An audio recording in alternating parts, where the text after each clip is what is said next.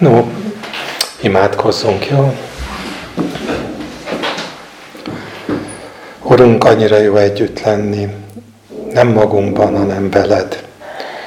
Annyira jó, hogy van lehetőségünk megérteni, megismerni, átélni azt, hogy ennyire igaz, amit te mondtál, hogy ahol ketten vagy hárman a te nevedben együtt vannak, te ott vagy, és ahol szeretetben és békében lakoznak a testvérek, oda te áldást küldesz. Urunk, nem érdemeljük meg, és ez nem csak szó, de köszönjük neked. Köszönjük, hogy bízhatunk abban, hogy most is te, abban te egyedül te lehetsz az, aki megnyitod a szívünket, aki megnyitod az értelmünket, és aki a te szent lelkedet küldött külön-külön, hogy úgy nyeljünk értelmet az igéből, ahogyan te akarsz vezetni bennünket. Mi nem tudjuk ezt adni egymásnak, a legjobb, legkifinomultabb szóhasználat sem segít abban, hogy egy, egyedül te lehetsz az, aki, aki valami olyasmit végzel el a szívben, amitől felüdülünk, amitől békére, nyugalomra lelünk, aminek az eredménye az az, hogy a te világosságot fölragyog a szívben. Úgyhogy így szeretnénk befogadni a mai jelenlétedet, és így szeretnénk ebben a jelenlétben tölteni nem csak egy-egy röpke órát, nem csak a vasárnapoknak a, az erre szánt, úgymond emberileg erre szánt néhány óráját, hanem így szeretnénk eltölteni az életet ezen a földön, és majd az örökké valóságban. Úgyhogy köszönjük, hogy ezt a munkát végzed, és annyira szeretnénk engedelmes gyermekek lenni. Annyira szeretnénk szeretni téged önmagadért, azért, mert te jó vagy, mert, mert az egész szívünk újjong az élő Isten felé. Köszönjük, hogy végzed a munkát, és mi átadjuk újból magunkat, hogy végezd és a te dicsőségedre, amíg kiábrázolódik bennünk az Krisztus, és amíg meglátja az egész világ, hogy te uralkodsz, és a te uralkodásod jogos, igazságos, és az emberek pedig megismernek téged azokon keresztül, akiket itt hagytál a földön. Hadd, hogy így legyen az Úr Jézusért, és az ő nevében kérünk. Amen.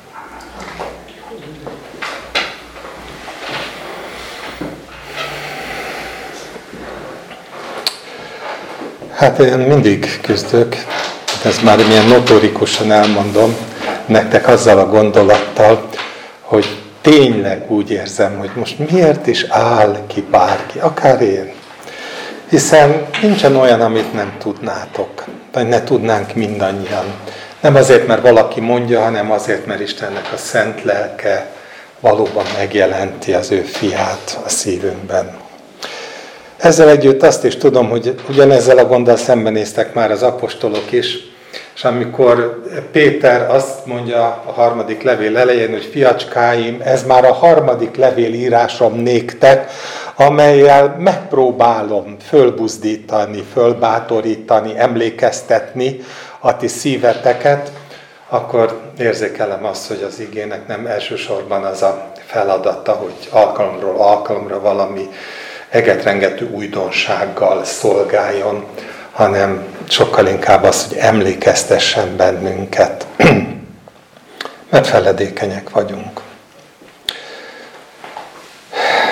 Most már szerintem hónapok óta tart, hogy a Lukács evangéliumról beszélgetünk csütörtökönként, aki még most akarna bekapcsolódni. Szeretettel várjuk, nem mondhatnám, hogy már annyira végén tartunk, hogy ne jöjjön addig, míg át nem térünk a következőre, mert ez még egy darabig eltart.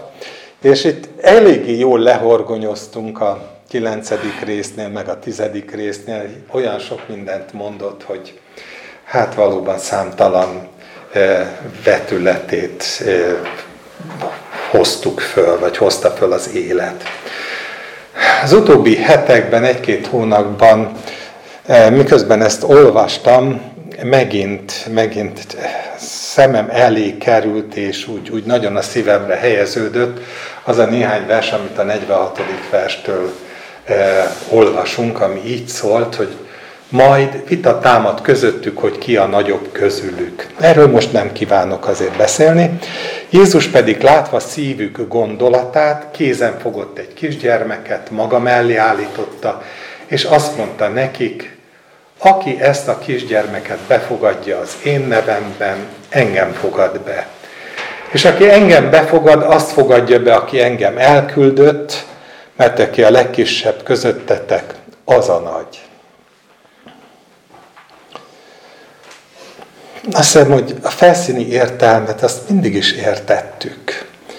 És szerintem egy, azért is picit könnyen átsiklunk felettem, mert a szinoptikus evangéliumunk mindegyikkel nem egyszer ezt a motívumot kiemeli, hogy a gyerekek, mint példa, a kisgyermekek, mind a befogadásnak a, a, a típusa, és valahol, ami föltolult bennem, az egy nagyon egyszerű kérdés.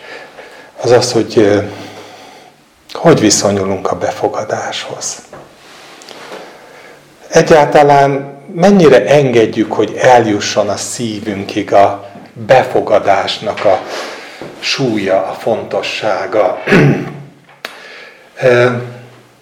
Persze mondhatjuk, hogy hát, hogyha egy árvát befogadunk, az biztos, hogy nagyon jó, meg ennek lehetnének felszíni olvasatai is, de én úgy gondolom, hogy ennél lényegesen többet mond Jézus arról beszél, vagy nekem arról beszél, én ezt mindig hangsúlyozom, hogy ha valakit befogad egy ember, mondjuk egy kisgyereket befogadsz, akkor azért azzal tisztába kell lenned, hogy nem csak a testi szükségleteiről kell gondoskodnod.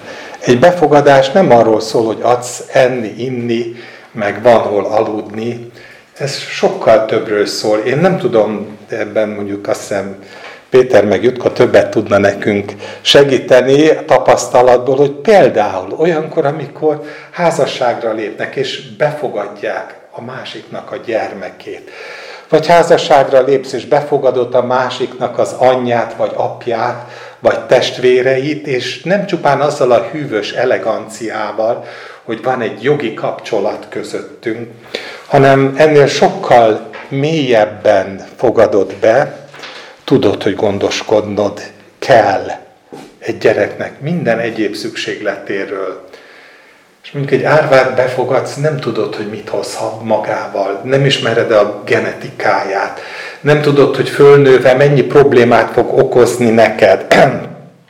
Nem tudod, hogy mit hoz magával, mit tett rá az a neveltetés, vagy esetleg az árvaház, ahol addig őt tartották. Szóval mindezt nem tudod, de bevállalod. Bevállalod, és tudatosan döntesz, mert tudod, hogy szüksége van rá. Tudod, hogy szüksége van arra, hogy, hogy átélje azt, hogy, hogy létezik szerető közösség, közeg, a család, vagy a fogadott családja, hogy biztonságot élvezhet egy ilyen közösségben, hogy önmaga lehet. Ez valahol mind a befogadásnak a lé, lényege. És persze ez az egyik oldal az éremnek. Az éremnek a másik oldala szerintem már-már fontosabb. Az az, hogyha befogadsz valamikit, hogy gyereknél maradunk, mert nagyon jó példa, akkor, akkor tudnod kell, hogy formálni fog téged. És nem kerülheted ki, hogy ez a kölcsönhatás, hogy ez kölcsönhatás, nem pedig egy egyirányú utca, amiben én gondoskodok róla a saját döntésem szerint, a saját elhatározásom szerint, legyen hálás, hogy ilyen jó dolga van, hanem tudod, hogy azzal, hogy befogadod, hogyha igazán azt szeretnéd, hogy egészségesen fejlődjön, hogy önmagára találjon, hogy lekopjanak róla azok a vadhajtások, amiket talán örökölt, és új értékrendet öltsön magára, ahhoz viszont az kell, hogy te is képes legyél ebben a kölcsönhatásban, ebben az interakcióban részt venni. Szükséges, hogy empatikus legyél, nagyon empatikus legyél, ott legyél mellette, hogy tudjad kezelni azokat a konfliktus helyzeteket, amik fölmerülnek, hogy türelmesnek kell lenned, és itt befejezem, mert tudom, hogy számtalan dolgot lehetne elmondani, de ha most általánosítok, akkor azt mondom, hogy talán ebből is érzékelhető, hogy nem a gyerekekről beszélek, hanem egyáltalán arról a kérdésről, hogy a befogadás az milyen rendkívül sok vetülettel jelentkezik. És amikor befogadásról beszélünk, akkor azt hiszem, hogy az ige egyértelműen azt tanítja, hogy a Krisztussal való kapcsolatunkban sem lehet egészen másfajta értelmet adni a befogadásnak. Jól ismerjük a János evangéliumnak ezeket a tényleg ilyen mélyről föltörő, nagyon szeretem a egészen patetikus, de valami elképesztő mélység van mindig abban, amit ő mond. Talányos persze időnként, de a evangélium első részében azt mondja, hogy az igazi világosság, amely megvilágosít minden embert, már eljött a világba. A világban volt, és a világ általa lett, de a világ nem ismerte meg őt. Az övéi közé jött, és az övéi nem fogadták be őt. De, és ez a 12. vers, mindazoknak, akik befogadták, akik hisznek az ő nevében, hatalmat adott, hogy Isten gyermekeivé legyenek. Hoppá, azért állok meg egy picit, mert fölfigyelünk arra, hogy Jézus nem azt mondja, hogy azt az ajándékot adta, azt a kiváltságot adta, azt a meg nem érdemelt kegyelmet adta, mert nekünk elsiklik valószínűleg a figyelmünk e fölött, hanem azt mondja, hogy hatalmat adott. Hatalmat adott arra, hogy Isten fiainak mondassanak. Persze ott van Jánosnak a nagyon körültekintő eh, szóhasználata, amikor azt mondja, hogy akik befogadták, akik hisznek az ő nevében. Mi mind a két fogalmat szerintem igen erősen lepusztítottuk és eltorzítottuk, és a befogadás a mai eh, mai gondolkodásban, és szándékosan most nem nagyon használom a keresztény szót, akkor sem, hogyha tulajdonképpen ez az, ami nekem szomorúságot ad, mert az, hogy a világ hogy gondolkodik erről, az egy másik kérdés. De ezeknek mind-mind jószerivel már csak felszínes üzetetei van. Tegye föl a kezét, aki befogadja a Krisztust. És befogadják sokan a Krisztust, és talán hisznek is a szónak a a általánosan befogadott értelmezése szerint abban, hogy ő az Isten fia, ő az megváltó, ő az, akit Isten elküldött a mi bűneinkért váltságul, aki meghalt, aki feltámad. Tehát, hogyha megkérdeznénk, hogy alapvetően nincsen azzal gond, hogy definíciókban hiányunk lenne, meghatározásokkal szenvednénk, vagy ne tenném föl mindenki a kezét, hogy ezt igen, én is így gondolom. De mit jelent az, hogy hatalmat ad? És kinek? Mindenkinek, aki ezt teszi? Én szeretném, hogyha Isten lelke világosítaná meg mindannyiunk szívében, de a szó azért valahol elsősorban a használatát tekintve felhatalmazást jelenti. Nem a, a, a despota uralkodónak a, a kéjenc hatalmát, hanem egy felhatalmazást egy erőt jelent, egy jogot jelent a szó. És hogyha erre gondolunk, akkor talán egy picit közelebb megértjük azt, hogy a, a János 14-ben megint csak Jánosról van szó, azt mondja Jézus, hogy bizony, bizony mondom nektek, és visszatér az első résznek a meghatározásához, aki hisz bennem. Az is cselekszi majd azokat a cselekedeteket, amelyeket én teszek, sőt azoknál nagyobbakat is tesz, mert az én atyámhoz megyek. Akármit kértek majd az én nevemben, megteszem azt, hogy dicsőítessék az atya a fiúban. Ha valamit kértek az én nevemben, megteszem azt. És miközben mi elképzelni se tudjuk ennek a nagyságát mélységét, semmit nem tudunk belőle elképzelni, és szócsatákat folytattunk arról, hogy a Márk evangélium 16. részének, tehát az utolsó részének az utolsó mondataiban amikor Jézus arról beszél, hogy akik pedig én bennem hisznek, ilyen jelek követik, és elmond egy halom, tulajdonképpen egészen fantasztikus jelet, de elképzelni se tudjuk, hogy akkor ezt, ezt most kell-e értelmeznünk, nem kell értelmeznünk, hogyan kell értelmeznünk, de a gyökerét tekintve nem változik.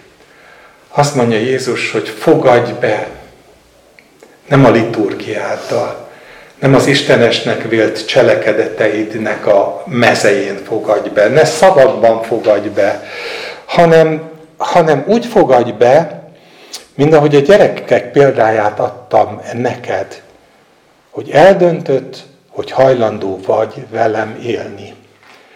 És nem csak, hogy eldöntött, hogy hajlandó vagy velem élni, sőt, akarsz velem élni, fölvállalod a velem való életközösséget, hanem olyan módon is, hogy tudatában vagy, hogy ha ez így van, akkor te már soha nem lehetsz olyan, mint korábban volt, voltál. Hogy ez felelősséget rót rá. Ez azt jelenti, hogy beengedtél, hogy befogadtál, hogy feljogosítasz arra, hogy ebben az interaktív kapcsolatban, ami közted és köztem létrejön, formálódhassál. Hogy megengedett, hogy én ráhangoljalak az Isten útjára, megengedett, hogy addig formáljalak, ameddig követemmé nem teszlek a szónak a gyakorlati értelemben, nem csak megint a hitvallás értelmében, hogy a hívő ember egyben Isten országának a követe, hanem a valóságban is, hogy elküldhesselek, felhatalmazhassalak, hatalmat adhassak neked, hogy úgy is cselekedjél, hogy Isten fia, fiaként cselekedsz. Ez, ez nem test és vér, mondja János. Amikor ilyen módon cselekedsz, az nem test és vér. Amikor a hatalom ott áll mögötted, amikor a Krisztus ott áll mögötted, akkor bármi lehetséges. Bármi, és erre hív az Isten, de enélkül meg ne próbáld, mert nem több, mint isteni tiszteletnek látszó próbálkozás a mi részünkről, hogy kitűrtsük azt az űrt, hogy a valóságban nem él bennünk, vagy nem úgy, ahogy szeretnénk, hogy bennünk, bennünk éljen. Szóval mai kicsit számítógépes nyelven azt mondanám, hogy a befogadás az az, hogy hozzáférést adok. Tudod, biztos mindenki ismeri a számítógépeknek azt a, azt a lehetőségét, hogy be tudsz engedni a saját gépedbe kívülről egy másik embert, és akár irányítani tudja a gépedet. Én számtalanszor csináltam, meg csinálok ilyet, amikor nem tudok megoldani egy problémát, és a számítógépes barátom segítségét kérem, hogy jöjjön és nézzen bele és csinálja meg. Na ez a hozzáférés adás. És azt szeretném, hogyha valahol érzékelnénk azt, hogy ez, ez, ez ennélkül nem megy. Meg kell adnunk Jézusnak a hozzáférést. És tisztába kell vele lennünk, hogy amikor megadtuk neki a hozzáférést, akkor ő élni fog ezzel a hozzáféréssel, és olyan dolgokat kezd el tenni az életünkben, amit mi nem biztos, hogy szeretnénk, de jól tudjuk azt, hogy máskülönben nincs befogadás. Úgy nem lehet egy gyereket befogadni, hogy nincs része a család életében. Ő mindig csak egy lelenc marad, ő mindig csak valaki megtűrt marad. Ő soha nem lesz teljes jogú része a családnak. Ez, ez nem tud működni, ez csak akkor tud működni, ha megkapja azt a bizalmat, azt a hozzáférést, hogy ő az anyám, ő az apám, hogy ők a testvéreim, és nincsen a te lányod, a te fiad, akármi, hanem, hanem ő, ő a család. Én azt hiszem, hogy valahogy nem véletlen, hogy aztán amikor Pál az Efézusi levélben a házasságról beszél, mindenki ismeri az Efézusi levél ötödik részét, akkor éppen az így egymást befogadó felek kapcsán hangzik el az a meglehetősen talányos mondat, hogy felette nagy titok ez. Én pedig ezt Krisztusról és az egyházról mondom. szóval egyszerűen azért, mert a házasság az az, amelyikben még megmaradt a, gondolat csírája, és nem véletlen, hogy az ördög ezt az egészet úgy, ahogy van, kikukázni szeretni, hogy, hogy a befogadás az, az, az nem, ugye elhagyja ember anyját, apját, és lesznek ketten egy testé. Felette nagy titok ez. Hát ennél költőiben nehéz lenne kifejezni ez a átjárja a másik lénye az én lényemet, az én lényem átjárja a másiknak a lényét.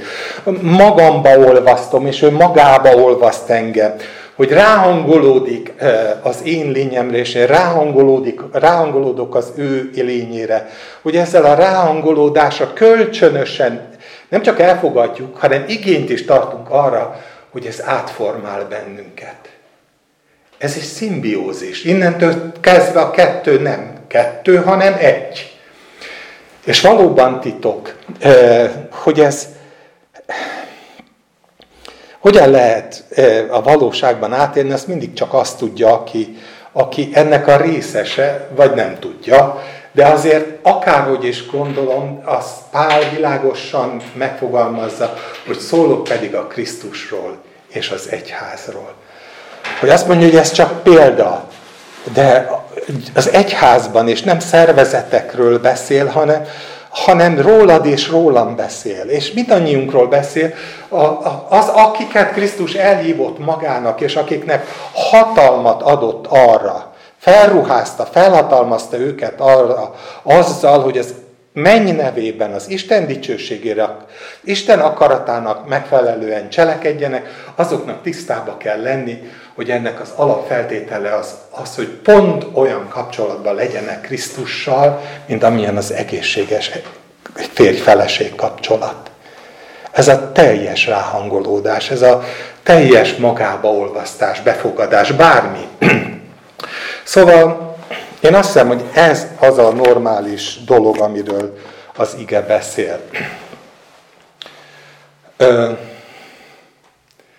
tudom, szinte parancsolat szinten ismerjük az olyan típusú mondatokat, hogy sírjatok a sírokkal, örüljetek az örülőkkel, és, és ugye valahol azért a lelkünk tudja, hogy ez nem egy formális dolog. Ez nem, nem arról szól, hogy, hogy a, a, a társadalmilag természetesnek tűnő örömteli eseményeknél mi is verekedjük a másik vállát, és rázzuk a kezét, mert fia született, lánya született, vagy férjhez adta a gyermekét, halleluja, jaj, de klassz, áldjon meg benneteket az Úr Jézus, vagy amikor meghal valaki, akkor részvételt nyilvánítva ott vagyunk a temetésén. Hangsúlyozom, hogy ez mind része, de nem tehető egyenlőségjel.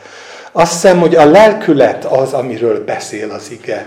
Arról beszél, hogy ebben a kölcsönhatásban, ami, ami, amire elhívott bennünket az Isten, az egymással való kölcsönhatást illetően is, abban annyira természetes ez a, ez a közös pulzálás a testvériség között, akár az öröm, akár a fájdalom, akár a Gábornak a kórházba menetele, akár a Tomnak a gázai harcai, akár a Jutkának a, a, a sikeres e, szakvizsgája, teljesen mindegy, hogy miről beszélek.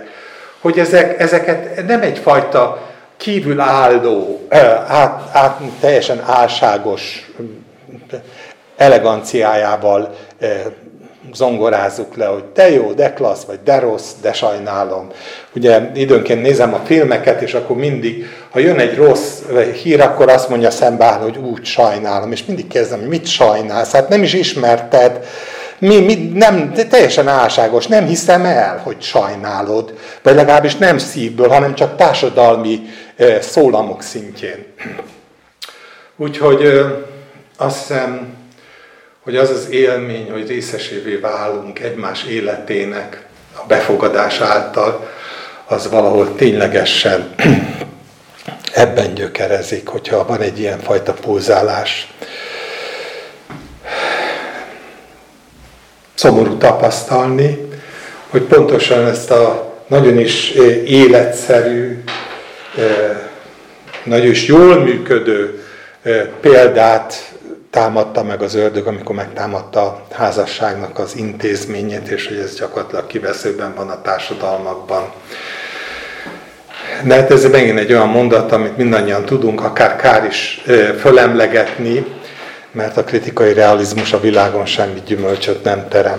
Arról viszont érdemes beszélni, hogy az a fajta szemlélet, ami fölváltja a helyét, az a, az a, az a individualizmus, ugye a személyiségeknek a joga, a mi jogunk, ami, szóval mindaz, ami arról szól, hogy én, én, én, én, én, amíg nekem érdekem fűződik, addig benne vagyok egy kapcsolatban, sőt nem is kötök házasságot, hogy véletlenül se lehessen utána jogilag semmit se számon kérni. Szóval kiölte ez a fajta propaganda, amit emellett folytítanak, tudod, a megérdemled, mondja a reklám. E, kiöli ezt a, ezt, ezt, a, ezt a fajta természetes igényt arra, hogy, hogy, hogy befogadjunk. Akkor is befogadjunk, hogyha a befogadásnak mindig vannak e, nehézségei. Mindig vannak nehézségei. De az az ember, aki pillangóként száll ágról, vagy virágról virágra, az a keresztény, amelyik pillangóként száll gyülekezetről gyülekezetre, aki, aki tulajdonképpen csak azokkal tud meglenni jól, akik hason szőrűek, mint ő, akik pont úgy gondolkodnak, mint ő, és abban a percben, hogyha le kéne mondani valamiről, legalább arról, hogy megtérítse a másikat, akkor úgy éli meg, hogy ez, ez nem neki való, ez kudarc, és, és tovább áll. Tehát az, amikor nem vagyunk hajlandóak csiszolódni, egyszerűen kikerüljük a konfliktus helyzeteket, hogy ne kelljen semmilyen formában sem a befogadást és a vele járó összes terhet hordozni, akkor valószínűleg, hogy mi is észrevétlenül besoroltunk amögé a társadalom mögé, amelyik az ént isteníti. És én attól tartok, hogy persze ez is olyan fölösleges, mert akkor is ítéletnek tűnik, hogyha nem annak szánom, csak emlékeztetésnek magunk felé, hogy ez a fajta individualista szemlélet gyűrűzött be a gyülekezetekbe is. Szavak szintjén elég gyorsan befogadjuk a Jézust, de az ezzel együtt járó csiszolódás, jellemformálódás, az már nem olyan valami, ami kívánatos legyen, lenne, és észrevétlenül, de egyre többször kiábrázoljuk az igazságát Jézus példabeszédének, amit a magvetőről mond, minden, minden szemrehányás nélkül, egyszerű tény megállapításként már-már lakonikusan, hogy elmondja, hogy az ige hullik, és van, amelyik útfélre esik, van, amelyik a tövisek közé esik. Vannak emberek, akik örömmel fogadják a hírt, gyorsan föllángolnak, és aztán utána ellaposodik ez a befogadás. Aztán vannak, akiknek a gyümölcs termését megfojtja az, hogy az élet terhei, a folyamatosan bennünket terhelő mindenfajta teher, amivel gondoskodni akar a világ arról, hogy mindenre legyen időnk, csak Isten országára nem legyen időnk. Szóval mindez erősen elkoptatja azt a készséget, hogy Jézus bennünk lakozása az valóban a jellemünk átformálódásával járhatna együtt, és hogy vezetne abba az irányba, hogy el, hát nem ugye eljöjjön, mert ő azért mindig használja az övéit, de hogy, hogy valahogy egyre jobban megértsük azt, hogy mit jelent az, amikor azt mondta, hogy hatalmat adott, felhatalmazást adott.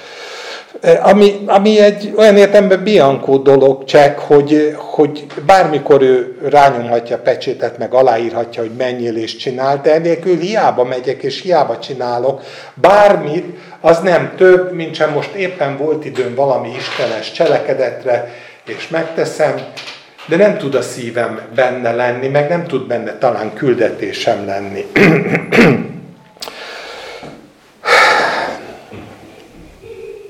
Gondoljunk arra, hogy nem ez az, amelyik megkísérti a keresztényeket is.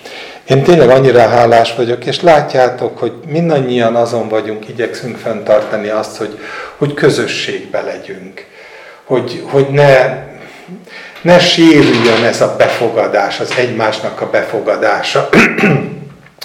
De azért is olyan, olyan nehéz, mert mindannyian jöttünk valahonnan, volt a múltunk része egyfajta isteni tisztelet, volt egy liturgia, amit megszoktunk, egy teológia, amiben belenőttünk, egy hangsúlyrend, amihez hozzászoktunk, értelmezések, amiket magunkévá tettünk, és sokszor annyira zsigeri szinten magunkévá tettük, hogy akkor is meghatároznak bennünket, hogyha egyébként már rég nem így gondoljuk.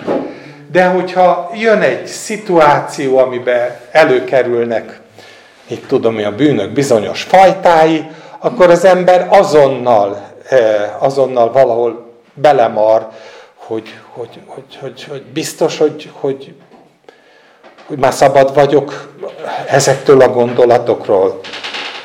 Az önkárosztatás mennyire, mennyire meg tudja kísérteni még az egészséges közegben élő hívő embereket is. Hozzászoktunk nagyon gyakran szerintem ahhoz, hogy élünk egy közösségbe, és magányosak vagyunk a közösségben. És olyan hálás vagyok, hogy talán, talán, talán kegyelemből mi ezt most másként éljük meg, de nagyon is vigyáznunk kell rá, mert, mert senkit nem vigasztal az, hogy oda megyek, megveregetem a hátát, és mondok neki három kedves mondatot, és utána továbbállok, és a másik vállát ugyanígy megveregetem. Nem tudom jól, eh, jól meghatározni ezeket a szavakat. Én magamban érzem, hogy milyen hihetetlen szükség van arra, hogy oldjuk a magányát a másiknak. De ne úgy oldjuk a magányát, hogy ez egy felszínes cselekedet legyen, hanem valóságos odafigyelés. Tehát a terheknek a viselése, a sírni a sírókkal, az örülni az örülőkkel, azok, azok, azok több legyen, mint sem egyfajta kipipálandó dolog, hanem egy belülről fakadó, tiszta szeretetből fakadó dolog, amin mögött a Krisztus áll.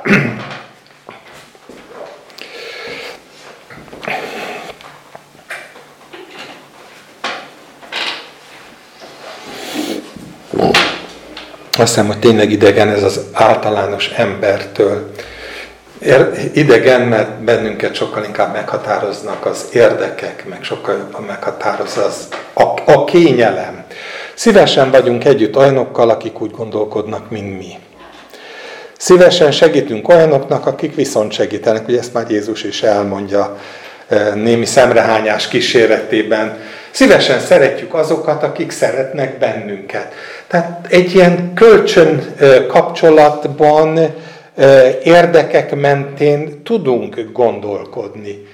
De azért sokkal nehezebb az, amikor, amikor olyanok emberekkel volna természetes együtt lennem, akik mondjuk más álláspontot képviselnek, mint én.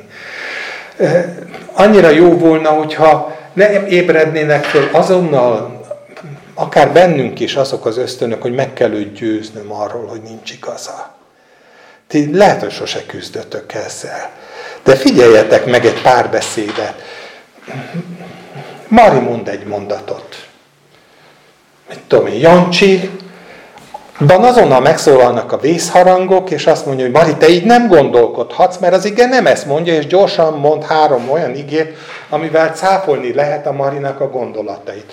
A Mariban fölébred az ősi virtus, hiszen mégiscsak így vette az elmúlt 30 évben, és, és azt mondja, hogy figyelj, olyan nincs, hogy mind a kettőnknek le, igaza legyen. Van az enyém, nekem van igazam, vagy neked van igazad döntsük el, vagy ha nem, akkor vigyük a rabbihoz, tudod, és akkor majd a rabbi eldönti, hogy neked is igazad van, meg neked is igazad van. De maga a, az a késztetés bennünk, hogy mi nem tudjuk azt a nemes magatartást tanúsítani, amit Pál a római levélben olyan világosan megfogalmaz, amelyik arról szól, hogy ha van hited, tartsd meg. Boldog az az ember, aki nem kárhoztatja önmagát abban, amit helyesel. De azt nem mondja, hogy ha van hited, akkor ezt feltétlenül használd egyfajta felvilágosító propagandaként. Sokkal inkább arról beszél az egész római levél 14.-15. részében, hogy milyen rendkívül fontos az, hogy, hogy, hogy hordozzuk egymást. Ugye úgy kezdi rögtön, hogy mi erősek tartozunk azzal, hogy az erőtlenek erőtlenségét hordozzuk, és nem magunknak kedvezzük. Azért állok meg egy pillanatra, mert innentől kezdve én gyakran voltam már olyan beszélgetések részese, amiben azt kezdték el elemezni intellektuális szinten, hogy mit jelent erősnek lenni, és mit jelent erőtlennek lenni. És már is létrehozunk olyan kategóriákat, amiket a Pál egyáltalán nem hoz létre. De valami olyasmit azért mond, hogy a, az erős az azt jelenti, hogy ő be tudja fogadni a másikat. El tudja fogadni a másikat. Az erős az, az, az nem akar minden áron bizonyítani. Az erős az nem akarja átformálni a másikat. Az erős attól erős, hogy benne van az a biztonság, hogy az én hitem az én uramtól származik. És el tudja fogadni, hogy lehet, hogy a másiknak a hite is az ő urától származik. Aki tud olyan léptékekben gondolkodni, amelyikben azt mondja, hogy engem az Úr ezen az úton vezet, és úgy méri az én lépéseimet, ahogy az én egyetfejlődésem az szükségesé teszi. Lehet, hogy nekem előbbre hoz dolgokat, és világosít meg dolgokat, Marinak, amit a Jancsinak csak majd tíz év múlva fog megvilágosítani. És ugye ez egy nemtelen vitatkozás, hogy arról beszéljünk, hogy ki van közelebb az Istenhez, meg ki érti jobban az Istennek az igéjét, miközben csak arról van szó, hogy külön utazkon vezet az Istenünk, de mindenkit önmaga felé vezet. Az erős az az, aki át tudja hidalni mindezt, aki nem ítélgeti a másikat az ő vélekedéséért, felolvasom ezt a verset, mert szerintem annyira jó. Azt mondja, hitben erőtlent fogadjátok be anélkül, hogy vélekedéseit ítélgetnétek. És akkor mondja a példát, hogy van, aki azt hiszi, hogy mindent megehet, a hitben erőtlen pedig zöldségfélét eszi. Aki eszik, ne vesse meg azt, aki nem eszik, és aki nem eszik, ne ítélje el azt, aki eszik, mert Isten befogadta őt. És ha ő befogadta őt, akkor ki vagy te teszi föl a kérdést, hogy más szolgája fölött ítélkezel. Az ő tulajdon urának áll vagy esik, de meg fog állni, mert az Úr képes őt is megtartani. Azért ez egy hatalmas dolog, hogyha ha, ha a befogadásban eljutnak a testvérek oda, hogy már nem kerülik a kellemetlen társaságot. Ez még bennünket is érint, higgyétek el, mert nem tudnék mert nem akarnék neveket mondani, de jól tudom, hogy mennyire feszélyezve tudjuk magunkat érezni, hogyha hirtelen interakcióba kerülünk X-el vagy Y-nal. Hogy már-már bokázunk, hogy akkor most mit csináljunk. Hogyan tudnánk a kedvében járni, holott nem kell a kedvébe járni, nem kell magunkat sem károsztatni, meg nem kell eh, magunkra venni a másnak a bennünket ért károsztatását, de nehezen tanuljuk meg.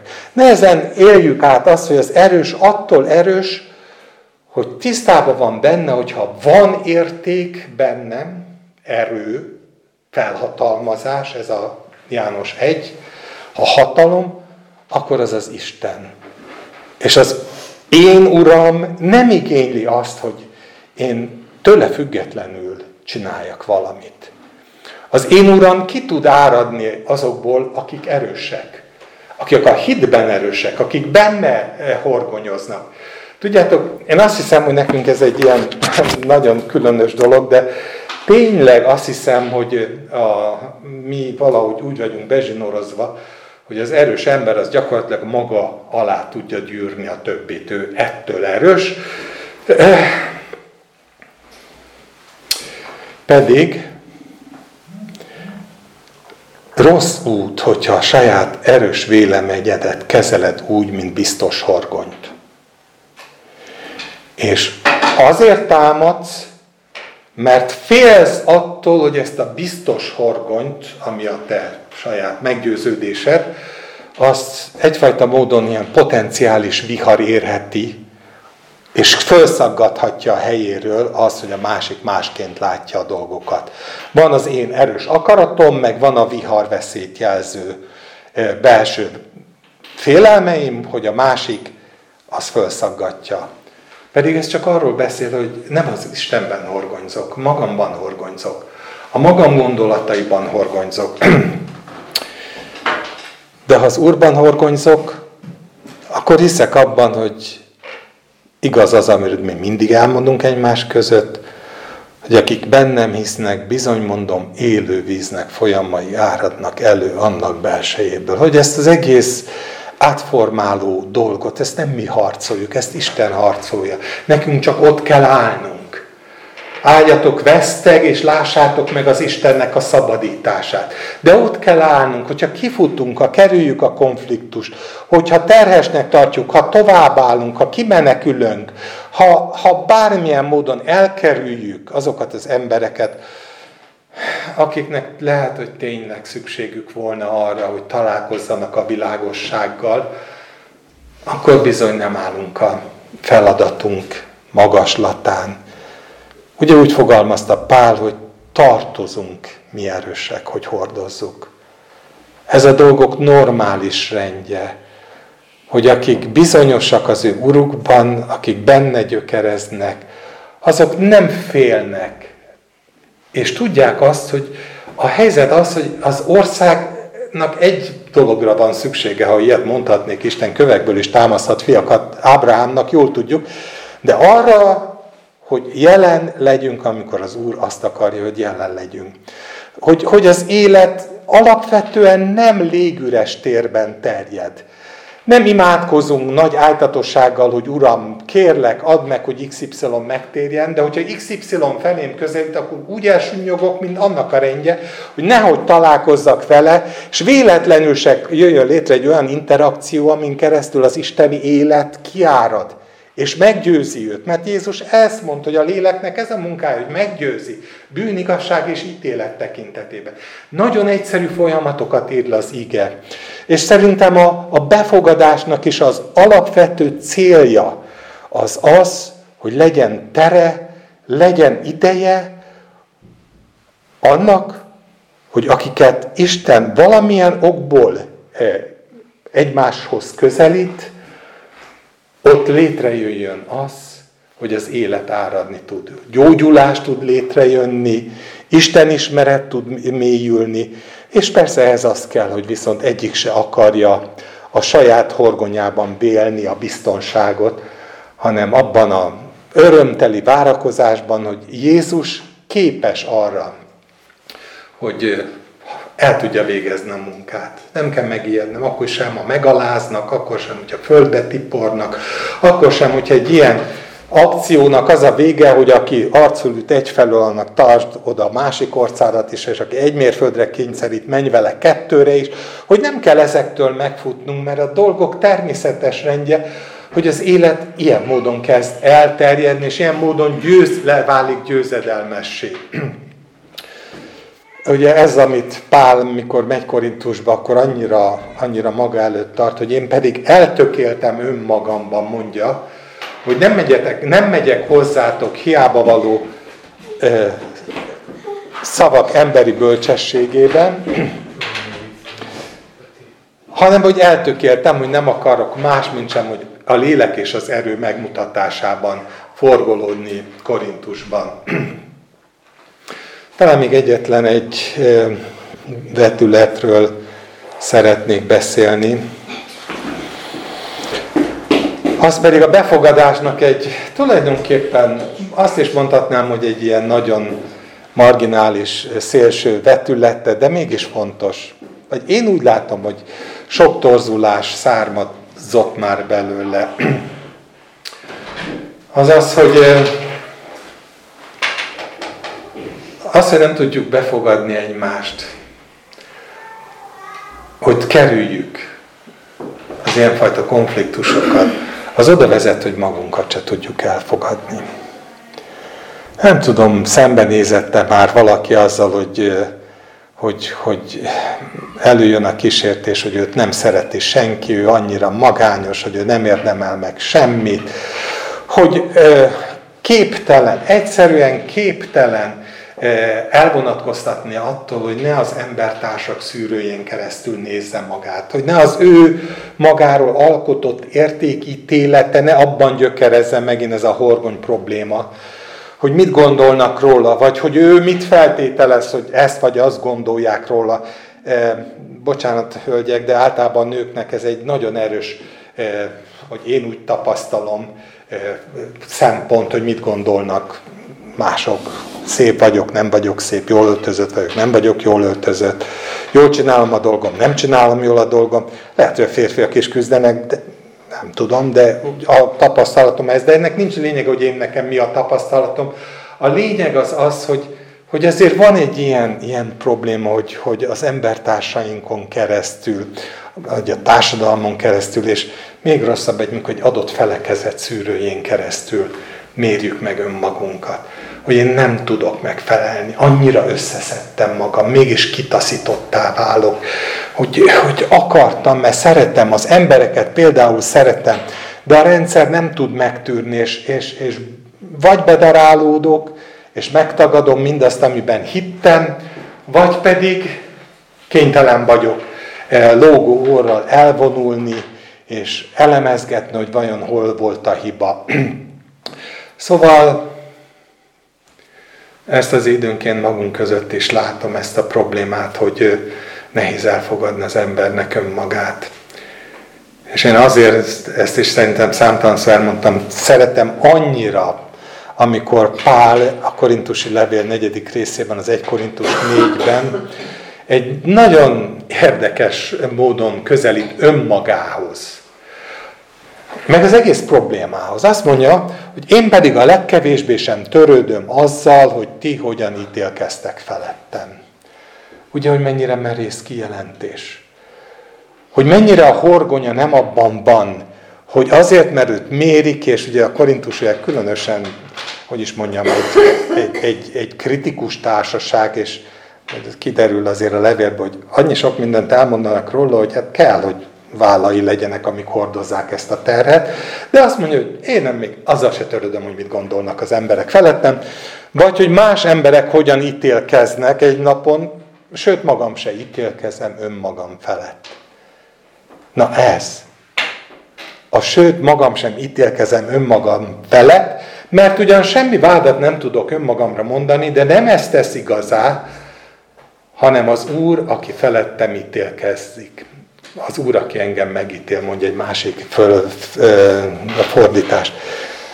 Nekem annyi vigasztalást adott az évtizedek alatt, amikor szembenéztem ezzel az egész kérdéssel, a ki vagyok, mit rontottam el, hogyan kellene ezt másként csinálni, hogy az ige azt tanítja, hogy egyetlen egy dolgot tegyél, állj az Úr előtt, tartsd a lényedet az Úr világosságában, és ne törődj, hogy jobbról mit mondanak, balról mit mondanak, a felekezet mit mond. Ez persze nem azt jelenti, hogy légy e, egy e, csökönyös, nyakas ember, aki soha nem figyel oda a kritikákra. Nem mondom, hogy az ige ezt tanítja, de az önértékelésedet ítélően azt viszont tanítja, hogy nem hányódhatsz, mind a tenger habja ide-oda, és a Jancsi mond valamit, akkor annak próbálsz megfelelni, ha Mari mond valamit, akkor annak próbálsz megfelelni, hanem tudd azt, hogy ha az életed Isten előtt van, akkor Isten majd napvilágra hozza mindazt, amit tudni kell, úgy folytatja, hogy egyáltalán ne ítéljetek azért magatok felől sem, addig, amíg el nem jő az Úr. Ő majd megvilágítja a sötétség titkait, és nyilvánvalóvá teszi a szívek szándékait, és akkor mindenki Istentől kapja meg a dicséretet. Szóval fogadjátok be először is a Krisztus, tanítja az ige. Ez járjon ez együtt azzal, hogy elfogadod azt, hogy ebben a szoros kapcsolatban, ami olyan, mint egy házasság, Isten formálni akar és formálni fog. Mert ha ezt kikerülöd, akkor nincs felhatalmazás, akkor magad maradtál. Másik, hogy fogadjátok be egymást, ahogyan a Krisztus befogadott benneteket. Ezt a mondatot is felolvasom, mert ez a 15. rész, amikor azt mondja, azért mi erősek tartozunk azzal, hogy az erőtlenek gyengeségét hordozzuk, és nem magunknak kedvezzünk, mindegyikünk tudnilik fele barátjának kedvezzen, annak javára és épülésére, azért fogadjátok be egymást, miképpen Krisztus is befogadott minket az Isten dicsőségére. Tehát fogadjuk be egymást, és persze fölmerül a kérdés, hogy jó, jó, de hol van a határ? Minden hülyeséget be kell fogadnom? Ma, bocsánat a szóért. Én legyek én mindig az az ostoba, akit el lehet tiporni, meg aki mindig a rövidebbet húzza. Persze, tudom, hogy ott van, hogy tartsd oda a másik ország, meg még egyéb, de van ebben bármifajta határ? Lehet bármit csinálni, vagy eljön az a pillanat, amikor fölállatok, és azt mondom, hogy no most már elég? Hát ez gondolom mindenkit foglalkoztat, és gondolom, hogy senki nem gondolja, hogy én erre meg tudom adni a választ. Én amit gondolok, az két irányú. Az egyik, hogy azt hiszem, hogy ezekre a fajta kérdésekre nem célszerű gyülekezeti szinten keresni a válaszokat, szervezeti szinten keresni a válaszokat. Én azt gondolom, hogy kinek mit mond az Isten személyesen arról, hogy hogyan viszonyuljon X-hez, Y-hoz és Z-hez, az a Istennel való kapcsolatában kell, hogy gyökerezzen, nem pedig a felekezetben kell, hogy gyökerezzen. Nem azért kell elfogadni mindenkit, aki, aki egyébként tudod, hogy Isten nem akarja, hogy vele interakcióba kerüljél, mert a felekezet elfogadta, és nem azért kell kirekeszteni bárkit, mert erre azért ugyanúgy rengeteg példa van, mert azt az egészet hátulról vagy jóval magasabb szinten eldöntötték, hogy ő nem kóser, ő nem testvér, a másik meg igen, hanem ezt egyedül Isten mutathatja meg, hogy kivel akarja, hogy kapcsolatod legyen, nem szervezeti szinten, és hogy ki az, akinek szükségre van arra a világosságra, amit rajtad keresztül akar Isten belevetíteni az ő éjszakájába. Ez teljesen személyes dolog. De tudom, hogy mi azt várjuk, hogy álljon mögénk a gyülekezet, vagy legalább hárman, négyen, öten, bárki, de hogy legyen erőnk arra, hogy azt mondjuk, hogy de ugye ezt azt mondta a Karcsi is, hogy ez nem jó.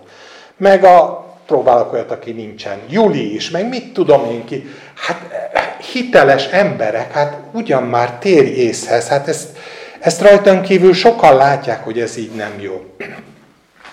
Nekünk ez a kísértésünk, hogy fel akarjuk vértezni magunkat ö, olyan háttérrel, ami nem küldetésből táplálkozik, hanem a bennünket körülvevő környezetből meríti az erőt.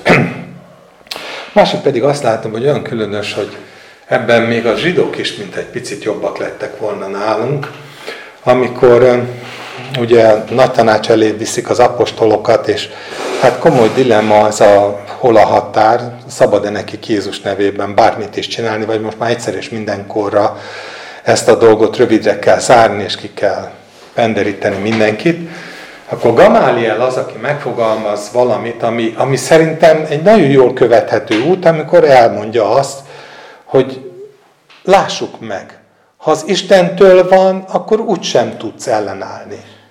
Akkor Isten, ha elfolytott, ha megfolytott, ha kirekesztett, ha bármit csinálsz vele, ha Istentől van, akkor a dolog meg fog állni.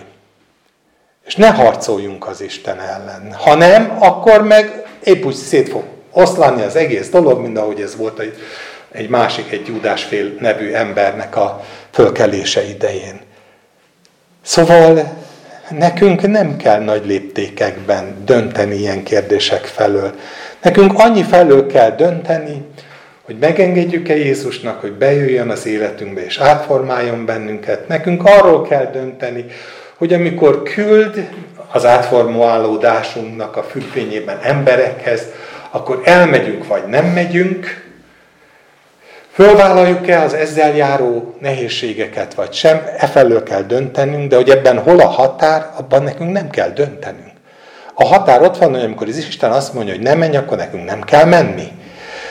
De ha abban keresünk a határt, hogy elveket eh, fektessünk le, hogy mi az, ami kóser, és mi az, ami nem kóser, hol kell Isten világosságát terjeszteni, és hol nem, akkor valószínűleg, hogy elrontottuk az utat. Szóval a befogadás nem egyenlő az elfogadással. A befogadás nem egy elftelen megalázkodás, hogy elfogadok mindenkinek mindenét, de azt jelenti, hogy befogadom őt. Jézus befogadta a bűnösöket. Jézus paráznákhoz bement, vagy megengedte, hogy bemenjenek hozzá. Bement a bűnösökhöz. Megvádolták, hogy a bűnösöknek a barátja ilyenekkel, meg olyanokkal eszik. És ez nem azt jelentette, hogy Jézus támogatja őket a rossz cselekedeteikben, de azt jelentette, hogy lehetőséget adott nekik, hogy az ő jelenlétében Istentől terjedő világosságra ráérezzenek, és megtérésre indítsa őket. Mert a világosság minden esetben kiűzi a sötétséget. Ez idő, önfeláldozás, ez nem jó szó, de mindenképpen egy tudatos döntés arról, hogy lehet, hogy nem fogadom el az ő gondolatait, de őt befogadom, és nem elkerülöm, hanem együtt vagyok vele, és aztán majd Isten dönt arról, hogy, hogy, hogy hogyan oldja meg. Mi annyit tudunk, hogy minden ember az ő urának áll vagy esik, és az Úr képes, hogy megtartsa őt, képes, hogy megtartson engem, és nekünk csupán az a dolgunk, hogy ne kárhoztassuk önmagunkat abban, amit helyeslünk, ne gondoljuk, hogy a mi saját magunk megért, ítél, alkotott értékítéletünk bármilyen módon függvénye a környezetünknek az ilyenfajta értékítélet, értékítéletétől, hanem egyszerűen éljünk és tegyük a dolgunkat. Eh, ahogyan Pál ezt itt mondja, hogy fogadjátok be egymást, ahogy Krisztus is befogadott bennünket az Isten dicsőségére. És az Isten dicsősége az, amelyik a meghatározó, ami hát majd Isten megmutatja mindenkinek, hogy mi mindent jelent, de ezt valószínűleg mindenképpen jelenti, hogy az Isten akkor dicsőíti az univerzum, hogyha kiderül, hogy az Isten eltervezett módszertana működik és jó. És az emberek, ha jól csinálják, akkor azzal Istenhez fordulnak az emberek a környezetükben. És hát én ezt kívánom mindannyiunk részére. Amen. Imádkozzunk. Urunk, tényleg csak így záró gondolatként, én azt hiszem, hogy közösen szeretnénk eléd vinni azt, hogy olyan jó, hogy Te, Te befogadtál minket. Minden, minden korlátozás nélkül, befogadtál, és nem vonod meg tőlünk a jelenlétedet, mert a te jelenléted nélkül valóban nincs miért kiindulni, nincs hova menni. A te jelenléted nélkül mi is csak a széltől dobált hajók vagyunk a viharos tengeren. És hiába gondoljuk, hogy horgonyunk lehet a magunk gondolati vázai, erősségünk lehet, a arroganciánk a valóságban jól tudjuk azt, hogy a horgony egyedül te lehetsz. Úgyhogy kérünk, segíts, hogy benned horgonyozzunk, jó értelembe vett, felemelt fejjel felvállaljuk azt, aki te vagy, és aki, amit munkálsz mi bennünk, de hogy ugyanilyen kitárt szívvel tudjuk egymást is befogadni, nem csak álságos, nem csak felszínes befogadással, hanem azzal a befogadással, ahogyan Krisztus bennünket befogadott. Amen.